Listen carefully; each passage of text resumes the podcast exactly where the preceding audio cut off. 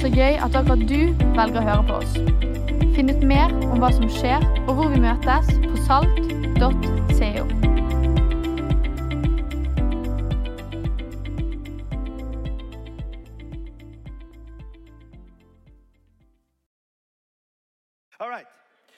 Vanligvis på dette tidspunktet i året så snakker vi om visjonen for kirken vår og hvem vi er. Og Vi gjør det litt for å presentere oss også ovenfor eh, folk som er nye.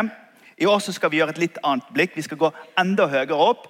Og så skal vi ta et blikk ned på konseptet Guds rike. Jeg har lyst til å snakke med deg. Jeg skal ikke preke hele preketida mi her i dag, men jeg skal, jeg skal snakke om konseptet Guds rike. Hva er det for noe? Når du har kommet inn i dette lokalet her i kveld, så har du kommet inn i en kulturarena. Her var det 400 eh, jusstudenter i går som feiret. Det var lov, men i dag så er det evangelium. Eh, altså, vi, eh, vi, vi, er, vi, er, en kirke, eh, og vi, er en del av Guds rike. Guds rike er, det er mer enn kirken. Guds rike det er dette som på en måte siver inn og, og merkes i samfunnet. Det skal merkes i bistand, det skal merkes i fattigdomsbekjempelse, det skal merkes i å løfte menneskeverdet. Det skal, det skal, merkes der det er diskriminering og utenforskap. Det skal merkes det skal merkes i samfunnet. Guds rike er et begrep. og I barnesangene så synger vi 'bygge Guds rike, bygge Guds rike', bygge Guds rike dag for dag. Og i, i, i, i språket vårt så har vi forkynnere også med dette at vi er med å bygge Guds rike. Men, men for å være litt eh, litt sånn tydelig Det står ikke én plass i bibelboka at vi skal bygge Guds rike. Men det som står, det er det at vi skal søke Guds rike. Og ikke bare skal vi søke Guds rike, men vi skal søke Guds rike først. Det vil si at Hvis du jobber i Nav, eller du er rørlegger, eller du er ingeniør, eller doktor eller kokk, så er det slik at det er din andre identitet. Din første identitet når du er en kristen, det er at du skal få lov til å være med og søke dette riket. Og Jeg har lyst til å gi deg i løpet av de neste minuttene en klarere forståelse av hva er det det betyr for noe at vi er en del av et Guds rike, et, et sånt himmelrike i verden. For Det kan høres veldig sånn flott ut, men jeg har lyst til å gi litt sånn adresse til deg. Går det greit? Og så tar jeg ikke eh, det for gitt at alle som er i kirken her, eh, nødvendigvis har en kristen tro. Vi er vi har hatt gjester hver eneste søndag i, i, snart 17 år. Kirken vår er bygd på ideen om at vi skal være åpen for folk som ikke tror så mye. og at Vi skal sørge for at vi snakker på en slik måte at det skal være lett å gripe det og gripe troen i fellesskapet. Så om du ikke er en troende her, så er det no problem. Det er mange i dette rommet eh, som, som, mest sannsynlig eh, ikke er det. Og av og til så tenker jeg at enkelte av mine medarbeidere er ikke kristne også. Eh, sånn at, eh, så du, du er ikke alene. Det er no problem. I den eldste delen av Bibelen vår, sant? de 39 første bøkene, det kaller vi for Det gamle testamentet, der er det mange forestillinger om hva som skal skje i framtida. Det er et folk som er lider. De har vært slaver. Det er krig, det er vold, det er hungersnød altså Masse sånne kjipe ting står det om i Det gamle testamentet. Akkurat sånn som det står i nyhetssendingene våre i dag. Erfaringen vår av at verden er ikke bare et bra sted. Mitt første minne fra Dagsrevyen da var jeg fire år gammel. fire eller fem år. Så snek jeg meg opp trappen i rekkehuset der jeg vokste opp, og så så jeg Sovjetunionen eh, invadere Afghanistan i 79-80 der. Og De siste dagene har jeg sett det samme skje igjen. og jeg tenker, vet du hva, Krig og konflikt og lidelse er seige greier. Og jeg tenker Som kristen som sier Guds rike skal komme, og, og ber og står på og forkynner og Skulle jo tro det ble litt bedre etter hvert. Men realiteten er den at det er, det er en sånn brytning. og Jeg har lyst til å snakke litt om det. Hvorfor, hvorfor er det sånn når, når Guds rike-begrepet er her? Så Dette folket, de, dette israelsfolket de er der i Midtøsten de har masse profeter inni her som har sagt sånne ting som at en dag så skal Herren komme. Han skal, slukke, han skal sluke døden. Og det skal ikke være tårer mer. Det sa Jesaja. Og så mange mange andre også drev og sa sånne ting. Om at liksom, En dag er det over, det skal bli bra igjen. Og Fra det siste punktumet i Det gamle testamentet til Det nye testamentet begynner med Matteus evangelium, så er det 400, 400 år med stillhet. Og de faster, det betyr de unnlot å spise mat til tider. De ba til Gud, og de sa Gud, når skal ditt rike komme? Og så kommer Jesus. Og Det Jesus gjør, dere, det er at han sier tiden er inne, sier han. Guds rike er kommet nær. Vend om og tro på evangeliet. Det sier han i Markus' evangelium helt i begynnelsen, og så gjør han noe veldig interessant etterpå. Det han gjør, det er at han går utenfor de religiøse reglene, og så tar han i syke mennesker og helbreder dem. Og så ber han for folk som er besatt av onde ånder, og så blir de frie. Og så berører han folk som opplever etnisk utenforskap i landet der. Spesielt samaritanere. Og Så tar han tak i dem og så løfter han dem til verdighet. Det Jesus gjør, det er at han demonstrerer at et annet rike er kommet. Og Matteus han, han sier at eh, Jesus han gikk omkring i hele det området der og så underviste han i synagogene deres og forkynte evangeliet om riket og helbredet alle slags sykdommer og alle slags skrøpeligheter i folket. Lukas han bruker ikke begrepet Guds rike, men han siterer Jesus når han står på bedehuset der hvor han er vokst opp i den landsbyen han kommer fra. Så sa han i dag er dette skriftordet blitt oppfylt for dere. Så det som skjer dere, det er det at Jesus sier at midt inn i sykdom, ufred, rasisme, forskjellsbehandling, fattigdom og nød, så siver det inn et rike. Demonstrert av det som han gjør. Du vet Når du kommer hjem og du er sulten, og du stanser sykkelen din på utsiden, og så åpner du opp døren, og så har de som lager middag, laget kjøttkaker. Hvis du liker det. Jeg liker ikke det, men jeg sier det i sympati til dere som er glad i det. Så lukter det brun saus helt ut i gangen. Og du bare kjenner Kjøttkaker, kjenner du. Sant? Da tar jeg høyde for at ikke du er vegetarianer. Eh, og, så, og da, da, da, kjenner du allerede lukten av kjøttkaker, men ikke enda kjøttkaker. Er du med? Sånn at munnen din begynner å reagere. Kjøttkaker. Men det er ikke før du setter tennene dine i det, at det, tennene dine er i det. Altså, det, Du har allerede kjøttkaker, men du har kjøttkaker enda. Og det er dette jeg skal prøve å forklare deg nå. Det er litt den måten Guds rike kommer på. Det kommer allerede, men det er ikke kommet helt enda. Og så står vi her, da. Det er, en, det er 2021. Afghanistan-situasjonen skjedde nå. Eh, ny, eh, frisøren kom løpende over på kontoret, dundret på døren og viste meg bildet. Se her, her er, her er min søster og barnet. De står mellom vaktene på den estiske grensen og Hviterussland. Satt en, søsteren satt med niesen der, inne i skogen, borte, rett borti her på, i Baltikum, på grensen til Hviterussland. Og Han sa 'Hva skal jeg gjøre for noe?' sier han til meg. Så Vi ringte to journalister og så spurte vi, hadde dere lyst til å ta saken. og jeg vet ikke hva som skjedde i oppfølgingen av det, Men verden ligger i det onde, som vi sier på bibelspråket. Det er krig, det er ufred, det er rasisme, det er mangel på, på, på likeverd, det er utenforskap. Alt dette fæle skjer, og så synger vi allikevel i kirken. Og Jesus han sa at han skulle komme med et rike, og jeg tenker jeg skulle håpet at folk hadde hørt på han hvis han sier han er konge. Jeg hadde håpet at Gud som er så god, kunne klare å fikse en verden hvor det ikke var så mye ondskap. Og Det trenger meg og deg å håndtere. Det er det som skjer når Jesus eh, er i Getsemanehagen. Dette er noe vi preker mest i påsken, men i Getsemanehagen er Jesus helt på slutten. Han er 33 år gammel. Og eh, Han svetter blod i angst for at Gud har bedt han om å bli hengt opp på et kors og gi sitt liv for alle menneskene. Og Jesus han har angst, og han ber Gud om han skal få slippe å være med på det som skjer. Så kommer han tilbake til den trøtte gjengen som er disiplene hans. Og Når han kommer tilbake til de, så kommer det noen soldater gående imot. og Alle skjønner at nå skal de soldatene de skal, de skal fange oss. De skal fange Jesus og ta han. Og Det Peter gjør da, det er at Peter, altså Min sønn han, utsatt, han var på en greie på en strand i sommer. og Så ringte han og så sa han at det har vært litt knuffing her. Eh, og, og Det var ikke på et på et godt tidspunkt for meg. for å si Det på den måten. Det var ikke en kristen respons jeg hadde. Så jeg sa bare hva, hva skjedde med han andre gutten? da? sa Jeg bare. Jeg var ikke stolt av det øyeblikket. Han sa vi gjorde ingenting med han andre gutten, for han var mye mindre enn meg. så vi gjorde ingenting. Så sa jeg det er bra. Du er en bra gutt, sa jeg.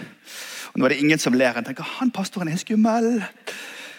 Og det er jeg. Eh, han, det Peter gjør, det er at istedenfor å mekle fred i Getsemanehagen, så drar han sverdet så hugger han til en gutt som heter Malkus. Så hugger han av han øret, og så sier Jesus, trekk tilbake sverdet ditt. Skal jeg ikke drikke av den koppen som Gud har bedt meg å drikke av? Så det som skjer i øyeblikket Riket skal komme. De, nå kommer de og tar Jesus fra oss. Og så, og så går Peter til fysisk angrep på de som prøver å ta han, men Jesus tar opp øret, helbreder Malkus og sier glem våpenet. Sørg for at uh, vi heller går den veien som Gud har bedt oss om å gå. Så blir han ført fram for ypperstepresten, og så sier han disse ordene. Min kongemakt er ikke av denne verden.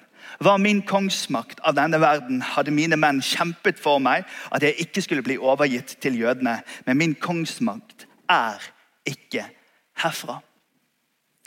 Jesus viser oss at eh, ikke-voldslinjen det er veien til å få makt.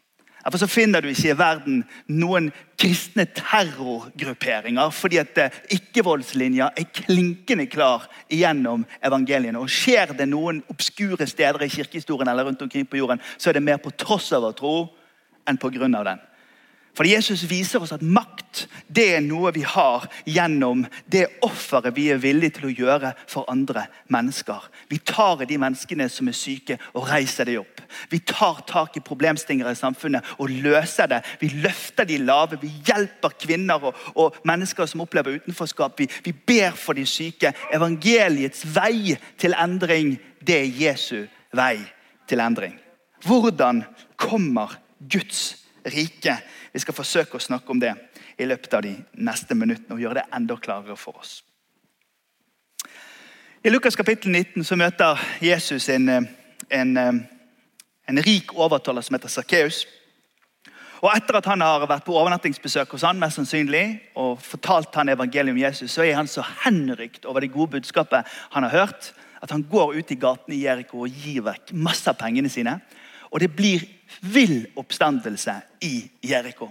Alle har vunnet Lotto den dagen. De ble så euforiske rundt hendelsen hjemme i Sakkeus sitt hus at det står svart på hvitt at de trodde at i dette øyeblikket kommer Guds rike og blir synlig. For det var det de hadde lengtet etter i Det gamle testamentet. De hadde lengtet etter at Guds rike skal komme en dag. Så det de ventet på, det var ikke det som Jesus nå viser, nettopp en sånn innfasing av Guds rike. De forventet et oppgjør fra den ene dagen til den andre dagen at Guds rike skulle komme.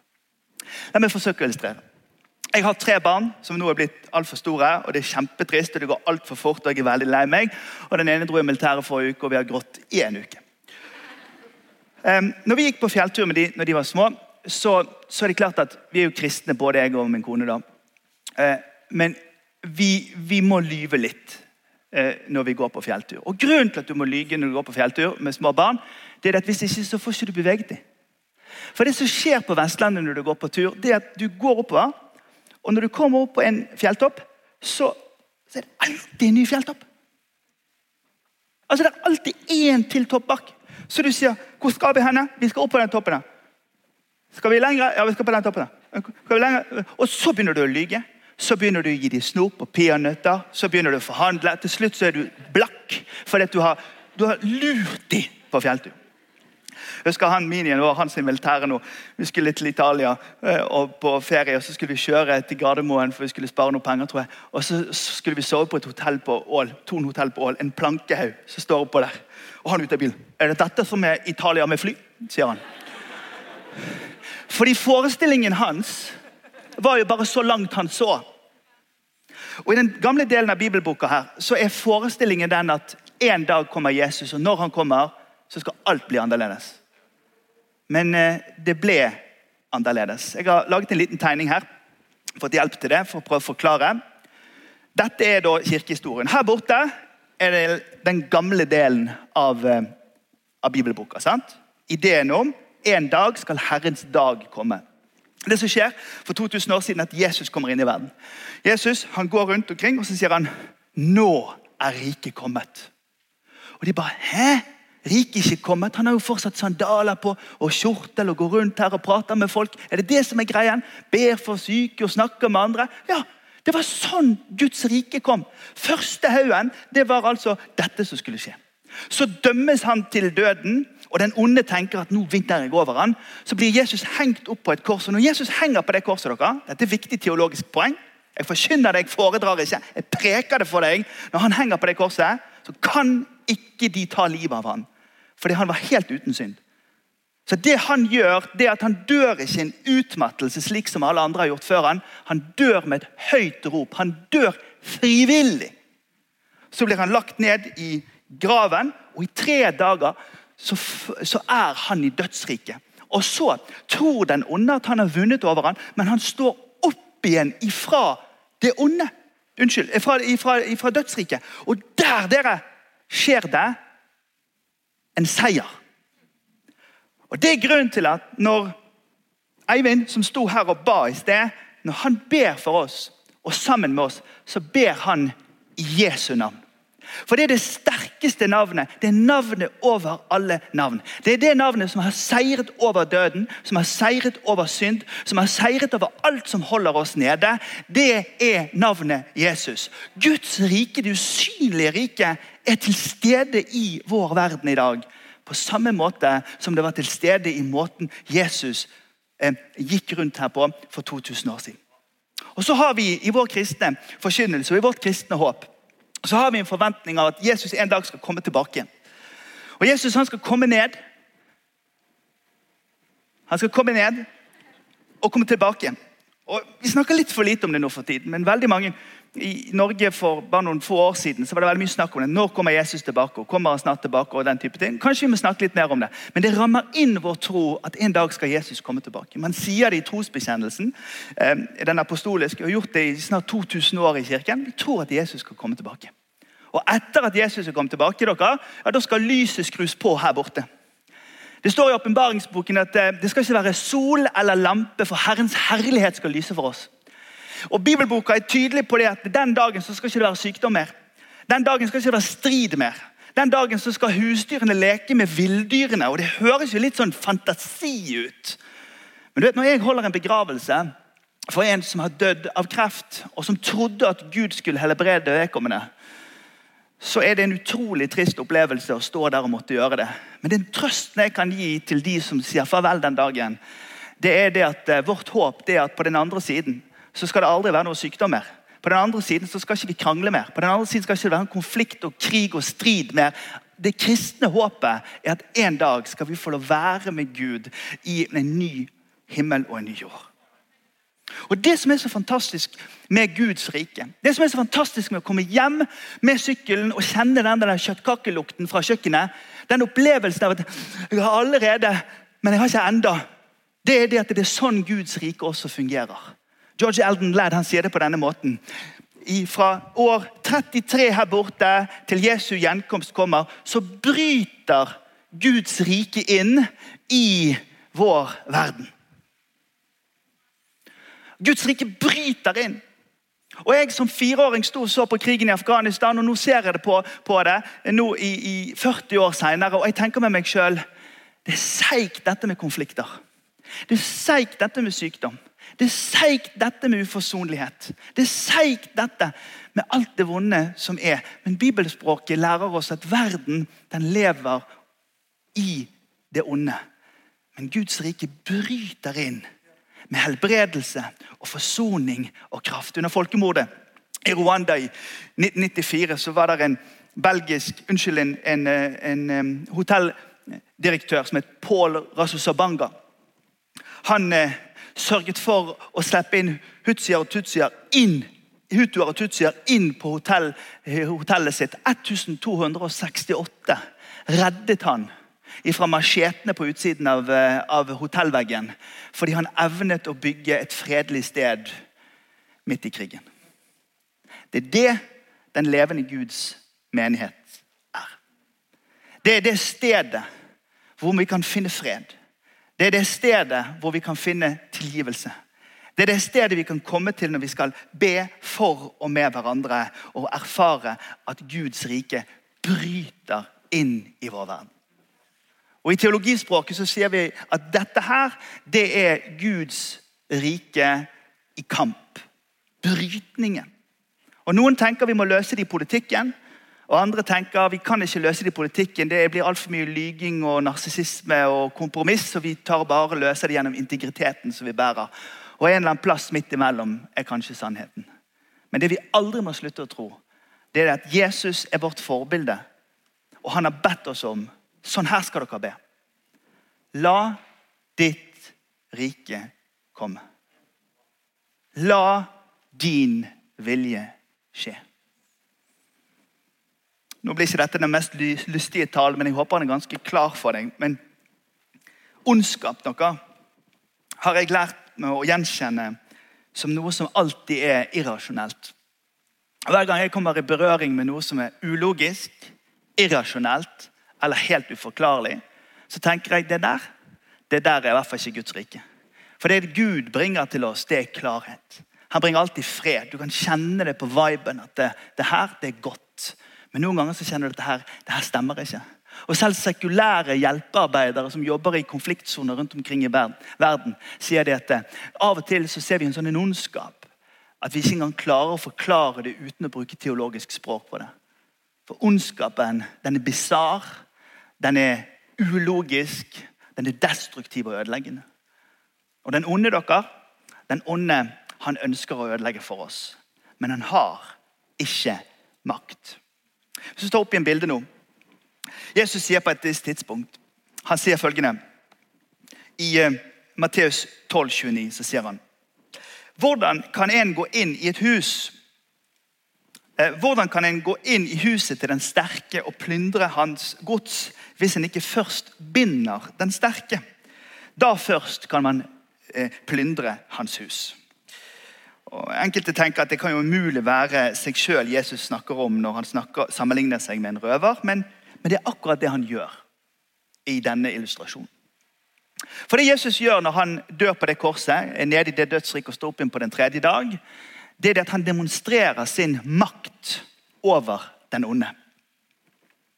Svigermor har en hund. Hunden heter Molly. Forrige kveld så rømte Molly klokken kvart over elleve på kveld. Svigermor løpte i crocs. Jeg kjørte Volvo i nabolaget og ropte inn i tujahekkene ute i åsene der. Molly, Molly. Og så fant vi hunden til slutt etter en halvtime i sengen med barnebarna til min svigermor. Jeg kan fortelle mer om det senere. Men det som er så fryktinngytende med hunder, for de av oss som er redd hunder, det er det at vi tenker at selv om de er så store, så kan de spise oss. For jeg ble bitt av en hund da jeg var liten. Og Kroppen min har ikke glemt at altså jeg, jeg er redd hunder. Det er tre ting jeg er redd eh, her i livet. Eh, tannskader, skøyter og hunder. Så Mine barn har aldri vært på skøytedag på skolen. Jeg bare skriver vi tror ikke på Vi har en, vi har en kristen overbevisning om at skøyter er av det onde. Så barna mine har aldri vært på skøytedag. No kidding. Svigermor har altså denne hunden Molly, eh, og hun har fem meter på båndet. Så hun kan sende dyra av gårde mot en motstander her borte. Og det er klart at Hvis en person som meg da, står på den, uh, the receiving end of the animal, så kan dyret stoppe der og bjeffe, og jeg kan bli helt stiv av skrekk.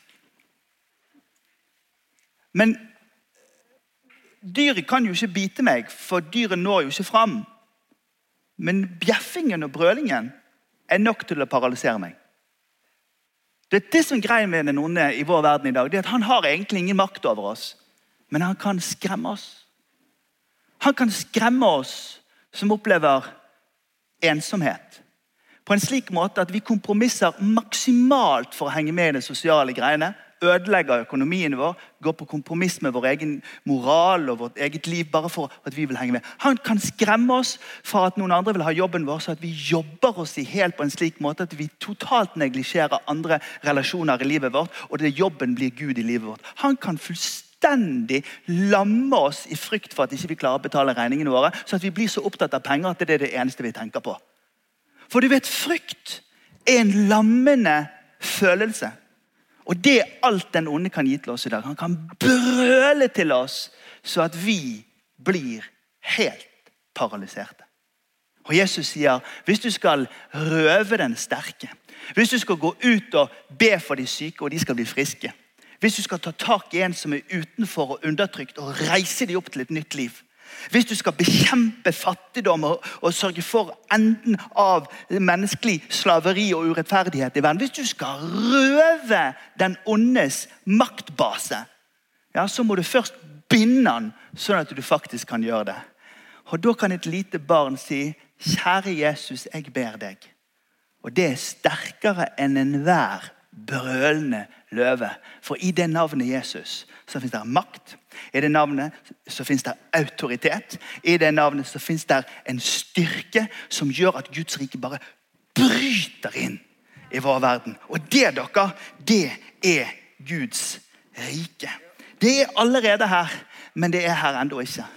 Og Jeg utfordrer deg denne høsten å bli med på det. For dette her saltgreiene som vi holder på med, det handler så lite om logoen vår over døren. Betyr ingenting i forhold til det som er Guds rikes visjon.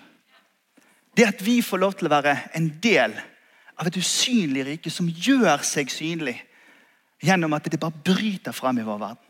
Og Noen steder i Norge Jeg reiser veldig mye i Norge. Jeg er rundt hele tiden og, og, og, og treffer steder. Det er helt påtagelig at noen steder i dette landet så er det mer sånn gjennombrudd, og andre steder er det mye mindre gjennombrudd. Fordi at de generasjoner i noen steder i landet har, har bedt den bønnen la ditt rike komme, la din vilje skje. Og så har de trodd det, og så har de gitt det videre til neste generasjon. Og så har de opplevd at, at Guds rike har kommet. Mens andre steder så er det tett som betong, og der er ingenting. Og Hvis du ser det i et globalt perspektiv, så vil du se at noen steder i verden er preget av at Guds rike og Guds rikes verdier er viktig. Andre steder er ikke preget av det. Og Den forskjellen den er helt reell i det norske og det globale samfunnet i dag. Og Da er det enkelte som tenker vi må løse det gjennom politikken. Og så er det andre som sier glem politikken, vi må bare løse det gjennom å være ordentlig eh, kristne med integritet. Men så hjelper Martin Luther oss å si at ja, vi må be for myndighetene. Vi må ha gode politikere, og vi må bruke vår demokratiske stemmerett. fordi det er Guds ytre måte å jobbe på. Og så er det Guds indre måte å jobbe på. Det er gjennom nåden og nådemidlene hvor evangeliet forandrer våre liv. Så det er ikke enten politikken eller kirken. Det er begge deler. Men vi må gå tilbake til Getsemane og høre det som Jesus sier. For Når Peter drar sverdet og tenker å bruke denne verdens makt, så sier han Legg bort makta og løft opp koppen. Fordi at vi er kalt til å tjene. Vi er kalt til å bøye oss ned. Vi er kalt til å bety en forskjell i den verden som vi lever i, med Jesus som forskjell. Be da slik, sier han. La din vilje skje. La ditt rike komme. Og Nå skal du studere til å bli psykolog, eller du skal ta fagbrev i elektro, et eller annet, eller du skal bli kokk eller du skal jobbe på SFO-en. Venner, hør på meg. Ikke la de tingene bli din første identitet. La din første identitet være at du, et menneske, elsket og villet av Gud, som kan få lov til å være med på det største prosjektet ever. Og tre inn i et rike av en annen verden. Tre inn i tjenerskapet til en av kongene som kommer fra en annen verden. Og som fullstendig kan forvandle den tiden vi lever i. Det er ikke et framskritt at vi blir mer sekulære. Det er et tilbakeskritt. Men comebacket det kommer snart. Derfor må vi flytte vårt ankerfeste fra resultatene vi nødvendigvis ser, til trofastheten av å stå i dette riket. Dette riket som er av en annen verden. Skal vi reise oss opp? Og så ber vi sammen. Takk, Herre Jesus. Takk, Jesus. Skal de synge litt sammen med oss her? Jeg skal bare spørre deg Hvis du er her i dette rommet og du kjenner at ja, men det, det der kan jo jeg være med på. Det der, det der riket der vil jeg være en del av. Og Nå spør jeg ikke deg om at du skal endre så veldig mye kurs i ditt liv. Men kanskje du kan si ja til en til en, en, en aktiv deltakelse. For Jesus sier 'søk først Guds rike'. Og hvis du kjenner det i hjertet ditt nå, ja, men det trenger jeg. Jeg trenger å søke først det riket. Det har vært mye vennesøking og jobbsøking og identitetssøking og alle mulige slags andre søkinger, men, men nå er det dette riket som, som, du skal få lov til å være invitert til å søke i. Så akkurat der du står nå, bare lukk øynene dine hvis du er komfortabel med det, eller løft fram hånda di, og så ber jeg for oss alle sammen. Jesus, jeg ber om at disse disse 2000 år gamle ordene som du sa til oss om at vi skulle søke riket ditt først. Jeg ber, eh, jeg ber for oss at vi skal være en sånn gjeng som sier ja til det. Jeg ber om at du lærer oss denne høsten her hva det vil si å være en del av ditt rike. Når vi skal gå inn i disse 100 dagene med, med deg, Jesus, og lære av hvordan du demonstrerte revolusjonen gjennom din tjeneste og ditt liv, jeg ber deg om at vi vi skal få lov til å følge deg. Så tar du tak i introvertene her og ekstrovertene, de sosiale og de mindre sosiale. De som har en sterk tro, de som har en svak tro. Du tar tak i oss alle, for du inkluderer absolutt alle i ditt rike. Så du lærer oss å komme inn i det, og så lærer du oss å samarbeide med det som du gjør i verden. Din kongemakt, den er i alle fall over våre liv. Vi ber i Jesu navn.